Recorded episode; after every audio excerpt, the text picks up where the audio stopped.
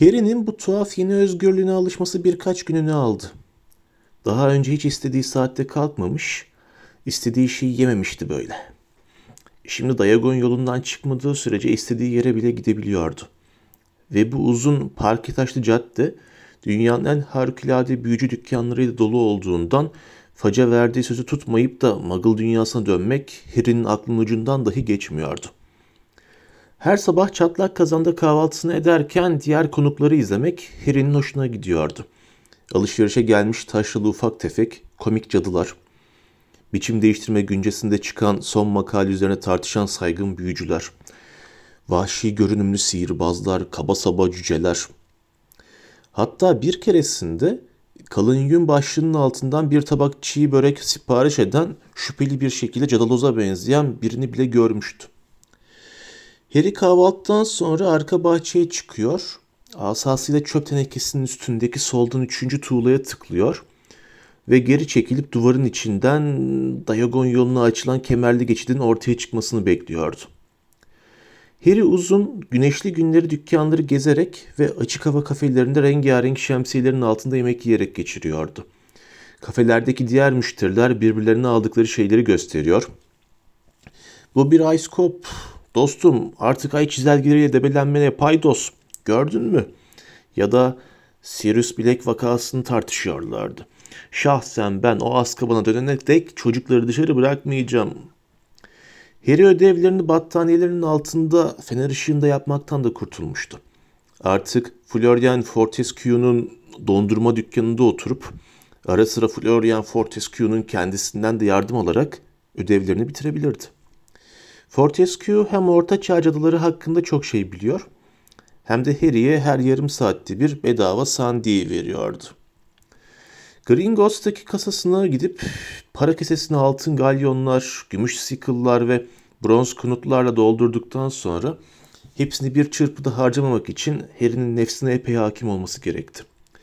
Hogwarts'a daha 5 yıl boyunca gideceğini ve büyük kitapları için Dursley'lerden para istemenin nasıl bir his olacağını kendine tekrar tekrar hatırlatarak som altından çok şık bir tüküren bilye takımını almamayı başardı. Miskete çok benzeyen bu büyücü oyununda taşlar sayı kaybeden oyuncunun suratına iğrenç kokulu bir sıvı fışkırtıyordu. Büyük bir cam topun içindeki mükemmel galaksi modeline de epey içi gitti. Bu modeli satın alsaydı astronomi dersinden ömür boyu kurtulurdu. Ama iradesini en çok zorlayan şey çatlak kazana geldikten bir hafta sonra en sevdiği dükkan olan kaliteli kudiç malzemelerinde karşısına çıktı. Dükkandaki kalabalığın nereye baktığını merak eden Harry, güç bela içeri girip heyecanlı cadıların ve büyücülerin arasından itiş kakış ilerlerken gözüne yeni kurulmuş bir platform ilişti. Platformun üstünde hayatında gördüğü en muhteşem süpürge duruyordu. Yeni çıkmış prototip diyordu köşeli çeneli bir büyücü yanındaki arkadaşına. Harry'den daha küçük bir erkek çocuğu babasının koluna yapışmış sallanarak ''Dünyadaki en hızlı süpürge bu değil mi baba?'' diye ciyaklıyordu. İrlanda milli takımı bu, bu bebeklerden daha demin yedi tane sipariş etti. Dedi dükkanın sahibi kalabalığa. Biliyorsunuz o takım Dünya Kupası'nın favorisi.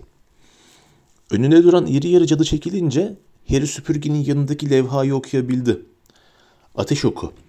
Bu son model sürat süpürgesinin diş budak ağacından yapılma, son derece ince işlenmiş ve pürüzsüz sapı, cam gibi bir cilaya ve elle kazılmış kendi kayıt numarasına sahip. Süpürge kuyruğunda bulunan tek tek özel olarak seçilmiş huş ağacı dallarının aerodinamik açıdan kusursuzluğu, ateş okuna benzersiz bir denge kazandırıp hata payını sıfıra indiriyor. Ateş oku saatte 0 kilometreden 250 kilometreye 10 saniyede çıkıyor. Bozulamaz fren büyüsü de cabası. Talep üzerine fiyat bildirilir. Talep üzerine fiyat bildirilir. Harry ateş okunun kaç altına mal olacağını düşünmek bile istemiyordu. Hayatında hiçbir şeyi bu kadar çok istememişti ama şimdiye dek kendi Nimbus 2000 ile de hiç Quidditch maçı kaybetmemişti. Zaten iyi bir süpürgesi varken ateş oku almak için Gringotts'taki kasasını boşaltmasının ne anlamı vardı? Harry fiyat sormadı. Ama o günden sonra hemen her gün ateş okuna bakmak için oraya geri döndü. Öte yandan Harry'nin gerçekten alması gereken şeyler de vardı. Aktara gidip iksir malzemeleri stoğunu yeniledi. Artık okul cübbeleri kollarına ve bacaklarına kısa gelmeye başladığından Madame Malkin'in her duruma göre cübbelerine gidip kendine yeni cübbe aldı. Elbette önemli işi yeni dersleri sihirli yaratıkların bakımı ve kehanetle dahil yeni okul kitaplarını almaktı. Harry dükkanın vitrinine baktığında şaşırdı. Camın arkasında her zamanki altın kabartmalı parke taşı boyunda büyük kitapları yerine büyük bir demir kafes, içinde de yüz tane kadar canavar kitap, canavarlar duruyordu. Hiddetle güreş tutmuş olan kitaplar boğuşuyor, birbirlerini kapmaya çalışıyor. Bu arada yırtılan sayfalar da dört bir yana saçılıyordu. Harry cebinden kitap lisesini çıkardı ve ilk kez lisede neler olduğuna baktı. Canavar kitap, canavarlar. Sihirli yaratıkların bakımı için temel kitap olarak geçiyordu. Harry, Hagrid'in niye kitabın işine yarayacağını söylediğini şimdi anlıyordu. İçi rahatladı. Hagrid yine korkunç bir hayvan edinip yardıma muhtaç mı kaldı acaba diye merak etmişti. Flourish ve Bloods'a giderken görevli aceleyle yanına geldi. Hogwarts mu? dedi hemen. Yeni kitaplarını mı almaya geldin? Evet, dedi Harry. Gereken kitaplar. Görevli Harry'i kenara itip kaçıl oradan dedi sabırsızca. Ellerine çok kalın eldivenler geçirdi. Büyük yumrulu bir baston kaptı ve canavar kitapların kafesine doğru ilerledi. Dur dur dedi Harry çabucak. Bende ondan zaten var. Var mı? Adamın yüzünde muazzam bir rahatlama ifadesi belirtmişti. Şükürler olsun zaten bu sabah beş kez ısırıldım. Birden vahşi bir yırtılma sesi havayı yardı. Canavar kitaplardan ikisi bir üçüncüyü yakalamış, orasından burasından çekiştirip parçalıyordu. Kesin kesin diye bağırdı görevli. Elindeki bastonu parmaklıkların arasından uzatıp kitapları ayırarak. Bir daha hayatta bu kitapları satmam. Burası tımarhaneye döndü. Oysa 200 tane görünmez kitap görünmezlik aldığımızda artık bundan kötüsü olmaz diye düşünmüştüm. Bir servete mal olmuşlardı ve bir tanesini bile bulamamıştık. E sana başka nasıl yardımcı olabilirim? Evet dedi Harry kitap lisesine bakarak.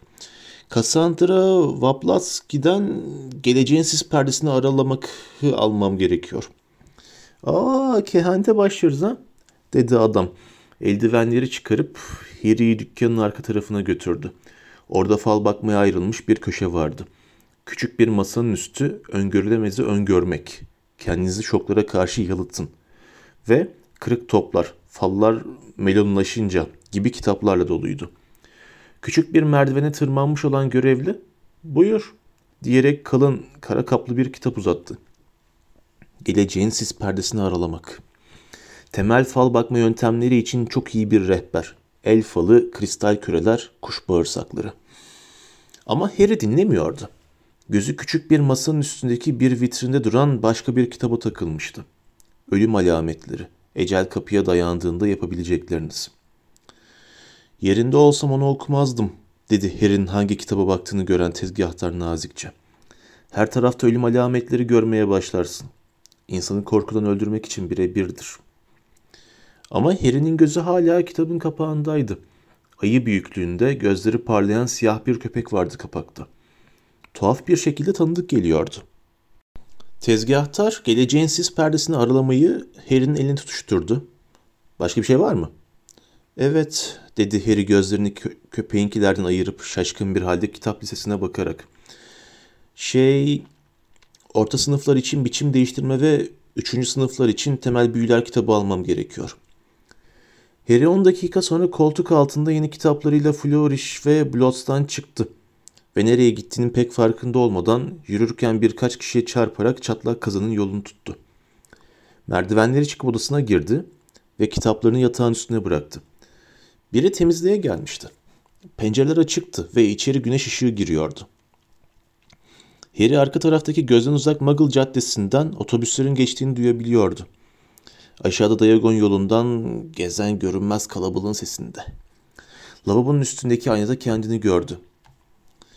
Bu bir ölüm alameti olamaz, dedi yansımasına, boyun eğmez bir tavırla. Magnolia Crescent'ta o şeyi gördüğümde panik içindeydim. Büyük ihtimalle sadece bir sokak köpeğiydi.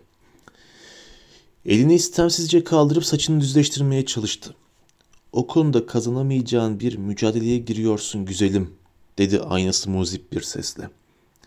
Günler geçtikçe Harry her gittiği yerde Ron'un ve Hermione'nin izine rastlamak için etrafına bakınır oldu. Okulun açılması yaklaştığından artık Diagon yoluna bir sürü Hogwarts öğrencisi gelmeye başlamıştı. Harry kaliteli Quidditch malzemelerinde Gryffindor'dan arkadaşları Seamus Finnegan ve Dean Thomas'la karşılaşmıştı. Onlar da ateş okundan gözlerini alamıyorlardı. Ayrıca Flourish ve Bloods'un önünde toparlak suratlı, unutkan bir çocuk olan Neville Longbottom'a da rastladı. Harry durup onunla sohbet etmedi. Görünüşe bakılırsa Neville kitap lisesini kaybetmişti ve çok sert biri gibi görünen ninesi de onu haşlıyordu. Harry Sihir Bakanlığı'ndan kaçarken Neville'mış gibi yaptığını ninenin hiç öğrenmemesini umdu. Tatilin son günü uyandığında Ron ve Hermione ile hiç olmadı, ertesi gün Hogwarts Express'inde buluşacağını düşünüyordu. Kalktı, giyindi, ateş okuna son bir kez bakmaya gitti. Tam nerede öğle yemeği yiyeceğini düşünürken biri ona seslendi. Harry dönüp baktı. Harry, Harry. İkisi de oradaydılar. Florian Fortescue'nun dondurma dükkanı önünde oturuyorlardı. Ron çok çilli, Hermione ise çok bronz görünüyordu. İkisi de ona çılgınca el sallıyorlardı. Nihayet dedi Ron Harry otururken onu sırıtarak. Çatlak kazana uğradık ama çıktığını söylediler. Biz de önce Flourish ve Blotz'a gittik sonra Madame Malkin'e sonra... Bütün okul malzemelerimi ben geçen hafta aldım diye açıkladı Harry. Hem siz benim çatlak kazanında kaldığımı nereden biliyorsunuz? Babam dedi Ron kısaca. Sihir Bakanlığı'na çalışan Bay Weasley elbette March halanın başına gelenlerin öyküsünü duymuş olmalıydı. Halanı gerçekten de şaşırdın mı Harry? dedi Hermione çok ciddi bir sesle. Yani öyle yapmak istememiştim dedi Harry. Ron bir kahkaha patlatmıştı. Sadece kontrolümü kaybettim. Komik değil Ron dedi Hermione sert bir şekilde. Cidden Harry nasıl atılmadı şaşırıyorum. Ben de diye itiraf etti Harry. Bırak atılmayı tutuklanacağım sandım. Ron'a baktı. Baban Fudge'ın beni niye yan serbest bıraktığını bilmiyor değil mi? Ron omuz silkip sensin diyedir herhalde değil mi? dedi. Hala kıkır diyordu. Ünlü Harry Potter falan. Ben öyle halamı teyzemi şişirmeye kalksam bakanlık bana ne yapar düşünmek bile istemiyorum.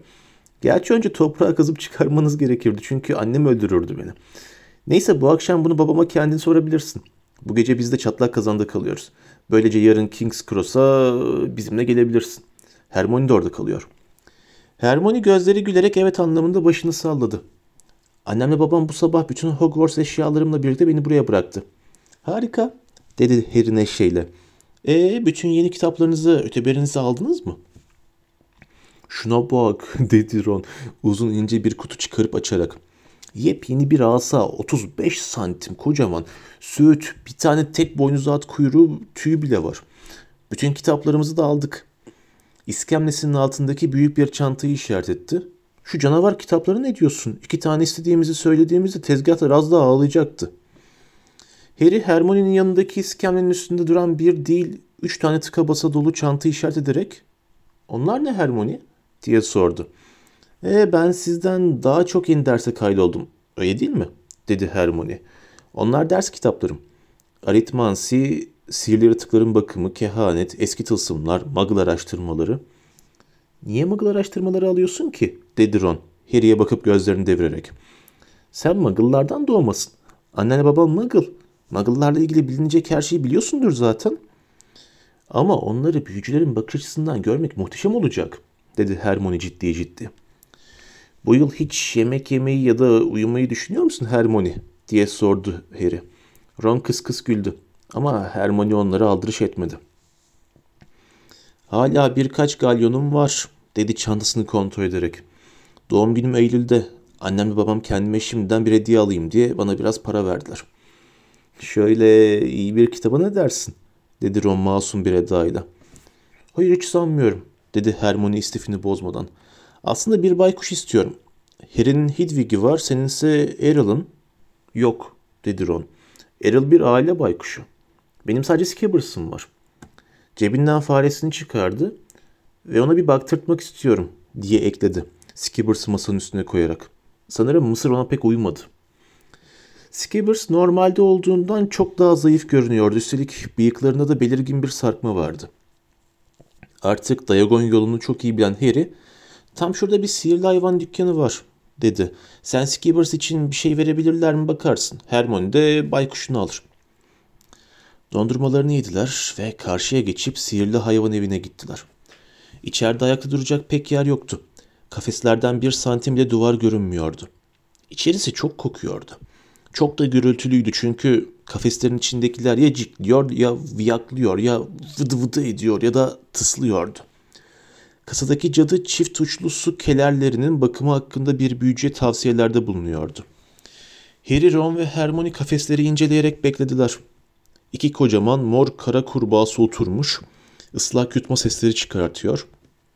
Ölü kurt sinekleriyle kendilerine bir ziyafet çekiyorlardı. Mücevherlerle bezeli dev bir tosbağa pencerenin kenarında ışıl ışıl parlıyordu. Zehirli turuncu salyangozlar cam kaplarının kenarından ağır ağır süzülüyorlardı.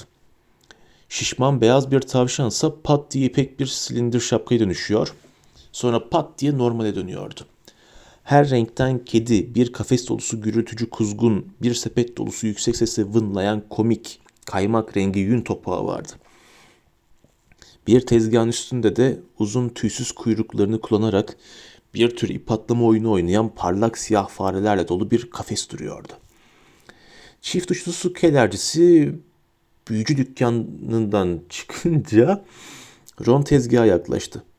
Benim farem dedi cadıya. Mısır'dan döndüğümüzden beri biraz solgun. Tezgaha yatır dedi cadı cebinden ağır siyah bir gözlük çıkararak. Ron iç cebinden Skibbers'ı çıkarıp diğer farelerin bulunduğu kafesin yanına koydu. Fareler ip atlama numaralarını bırakıp daha iyi görebilmek için tele yaklaştılar. Ron'un her şeyi gibi Skibbers da elden düşmeydi. Daha önce abisi Percy'ye aitti ve biraz hırpalanmış haldeydi. Kafesteki farelerin yanında iyiden iyiye efkarlı görünüyordu. Hmm, yaptı cadı Skibbers'ı kaldırarak. Bu fare kaç yaşında? Bilmiyorum dedi Ron. Bayağı yaşlı. Eskiden abimindi. Ne tür güçleri var? dedi cadı Skibbers'ı yakından inceleyerek. Eee yaptı Ron. İşin aslı Skibbers en ufak bir güç kırıntısı bile göstermemişti hiç. Cadının gözleri Skibbers'ın lime lime olmuş sol kulağından bir parmağı eksik ön patisine kaydı. Yüksek sesi cıkcıkladı. Bu farenin imanı gevremiş.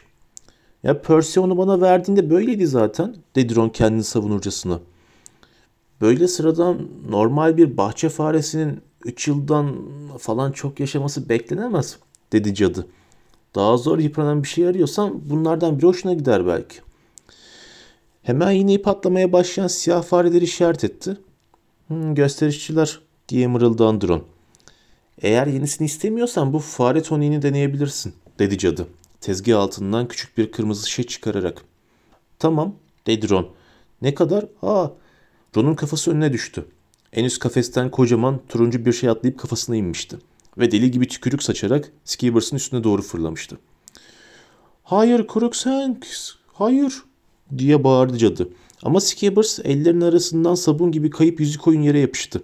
Sonra da kapı istikametine doğru sıvıştı. Skibbers diye bağırdı Ron. Onun peşinden dükkandan dışarı fırlayarak. Harry de Ron'u izledi. Skibbers'ı bulmaları neredeyse 10 dakika kadar sürdü. Kaliteli kudiç malzemelerin önündeki bir kağıt sepetine sığınmıştı. Ron tir tir titreyen fareyi cebine koydu ve başına masaj yaparak doğruldu. O da neydi öyle? Ya çok büyük bir kediydi ya da küçük bir kaplan dedi Harry. Hermione nerede? Herhalde baykuşunu alıyordur. Kalabalık caddede sihirli hayvan evine doğru ilerlediler. Oraya vardıklarında Hermione dükkandan çıktı ama bir baykuşla değil. Kollarını kocaman sarman kediye sıkı sıkı sarmıştı. O canavarı satın mı aldın? dedi Ron şaşkınlıktan bir karış açık ağzıyla. Nefis değil mi? dedi Hermione. Heyecandan yüzüne al basmıştı. Bu görüşe göre değişir, dedi Harry. Kedinin turuncu tüyleri kalın ve kabarıktı ama biraz çarpık bacaklı olduğu kesindi. Suratı ise somurtkan ve garip bir şekilde ezik görünüyordu. Sanki duvara toslamış gibiydi. Ama şimdi Skibbers ortaklıda olmadığından kedi Hermione'nin kollarında halinden memnun mırıldıyordu. Hermione o şey az daha kafa derimi yüzüyordu, dedi Ron. Ama isteyerek yapmadı değil mi Crookshanks? Peki ya Skibbers? dedi Ron göğüs cebindeki şişkinliği göstererek. Dinlenmeye ve gevşemeye ihtiyacı var. O şey ortadayken nasıl olacak bu? Aklıma geldi de fare toniğini de unuttun dedi Hermione. Küçük kırmızı şişeyi Ron'un eline şamar atar gibi bırakarak. Endişelenmeyi bırak. Crookshanks benim yatakhanemde yatacak. Skippers'sa seninkinde. Ne var bunda? Zavallı Crookshanks cadının söylediğine göre asırlardır oradaymış. Kimse onu istememiş. Ha, neden acaba? dedi Ron alaylı alaylı. Çatlak kazanın yolunu tuttular. Oraya vardıklarında Bay Weasley barda oturmuş gelecek posasını okuyordu. Harry dedi başını kaldırıp gülümseyerek. Nasılsın? İyiyim sağ olun dedi Harry. Üçü eşyalarıyla birlikte Bay Weasley'e katılırlarken. Bay Weasley gazetesini bıraktı.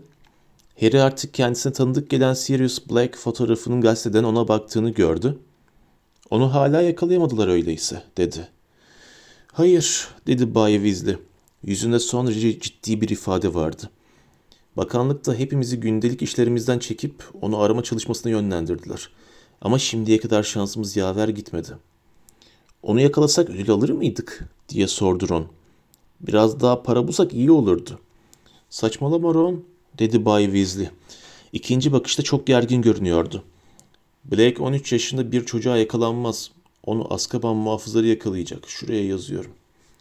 O anda Bayan Weasley bara girdi. Elleri alışveriş torbalarıyla doluydu. Arkasından da Hogwarts'ta 5. senelerine başlayacak olan ikizler Fred ve George. Yeni öğrenci başı seçilmiş olan Percy ile Weasley'lerin en küçük çocuğu ve tek kızı olan Ginny içeri girdi. Baştan beri Harry'e zaaf olan Ginny onu gördüğünde her zamankinden de çok utanmış gibiydi. Belki de Harry geçen yıl Hogwarts'ta hayatını kurtardığı için. Kıpkırmızı kesilerek Harry'nin gözlerine bakmadan ''Merhaba'' diye mırıldandı. Percy ise sanki Harry ile tanışmamışlar gibi resmi bir şekilde elini uzattı. Harry seni görmek ne güzel. Merhaba Percy dedi Harry gülmemek için kendini zor tutuyordu.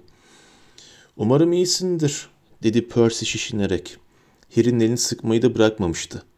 Bu belediye başkanı takdim edilmek gibi bir şeydi. Çok iyiyim sağ ol. Harry dedi Fred Percy'yi dirseğiyle önünden çekip abartılı bir şekilde eğilerek. Seni görmek muhteşem azizim. Harika dedi George Fred'i itip Harry'nin elini kaparak. Kesinlikle fiyakalı. Percy'nin alnı kırıştı. Hadi yeter dedi Bayan Weasley. Anne dedi Fred. Sanki onu yeni görmüş gibi. Annesinin de elini yakaladı. Seni görmek ne fevkalade. Yeter dedim dedi Bayan Weasley. Elindekileri boş bir sandalyeye bırakarak. Merhaba Harry'ciğim. Herhalde müjdemizi duymuşsundur. Percy'nin göğsündeki yepyeni gümüş rozeti gösterdi. Ailedeki ikinci öğrenci başı dedi göğsü kabararak. Ve sonuncu dedi Fred usulca. Ona ne şüphe dedi Bayan Weasley birden kaşlarını çatarak. İkiniz sınıf başkanı yapmadıklarının farkındayım. Niye sınıf başkanı olmak isteyelim ki? Dedi George. Bu fikir ona tiksinti vermiş gibiydi. Hayat ne zevki kalır o zaman. Ginny de kikirledi bu esnada. Ha, kız kardeşinize daha iyi örnek olmalısınız diye çıkıştı Bayan Weasley. Ginny'nin örnek alacak başka abileri var anne dedi Percy mağrur bir edayla. Ben gidip yemek için üstümü değiştireyim. Percy'ye gidince George derin bir oh çekti. Onu bir piramide kapatmaya çalıştık dedi Harry'e ama annem bizi gördü. O geceki yemek çok keyifli geçti. Hancı Tom salondaki üç masayı birleştirdi ve yedi Weasley, Harry ve Hermione beş leziz yemeğe afiyetle yediler. Enfes çikolatalı pudinglerine sıra gelince ''Yarın King's Cross'a nasıl gidiyoruz baba?'' diye sordu Fred. ''Bakanlık iki araba gönderiyor.'' dedi Bay Weasley. Herkes başını çevirip ona baktı. ''Niye?'' diye sordu Percy merakla. ''Senin sayende Percy'' dedi George ciddi bir ses tonuyla. Kaportaların üzerinde küçük bayraklar da olacak. Onların üstünde de ÖB yazacak. Öküz başlı anlamına dedi Fred. Percy ve Bayan Weasley dışında herkesin gülmekten burnundan puding fışkırdı. Percy vakur bir sesle Bakanlık neden araba gönderiyor baba? diye tekrar sordu. Şey bizim artık bir arabamız olmadığından dedi Bay Weasley ve ben orada çalıştığımdan bana bir iyilikte bulunuyorlar. Sesi rahattı ama Harry onun kulaklarının kızardığını fark etti. Tıpkı baskı altında olduğu zamanlarda Ron'un kulaklarının kızarması gibi. İyi de ediyorlar, dedi Bayan Weasley hemen. Ne kadar bagajımız var farkında mısınız? Muggle metrosunda çok güzel bir tablo çizerdiniz. Hepiniz eşyalarınızı topladınız değil mi? Ron yeni eşyaların hepsini sandığına koymadı da, dedi Percy ıstıraplı bir sesle. Onları benim yatağıma yığdı.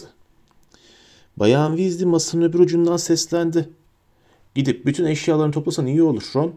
Sabahleyin pek vaktimiz olmayacak. Ron kaşlarını çatarak Percy'ye baktı.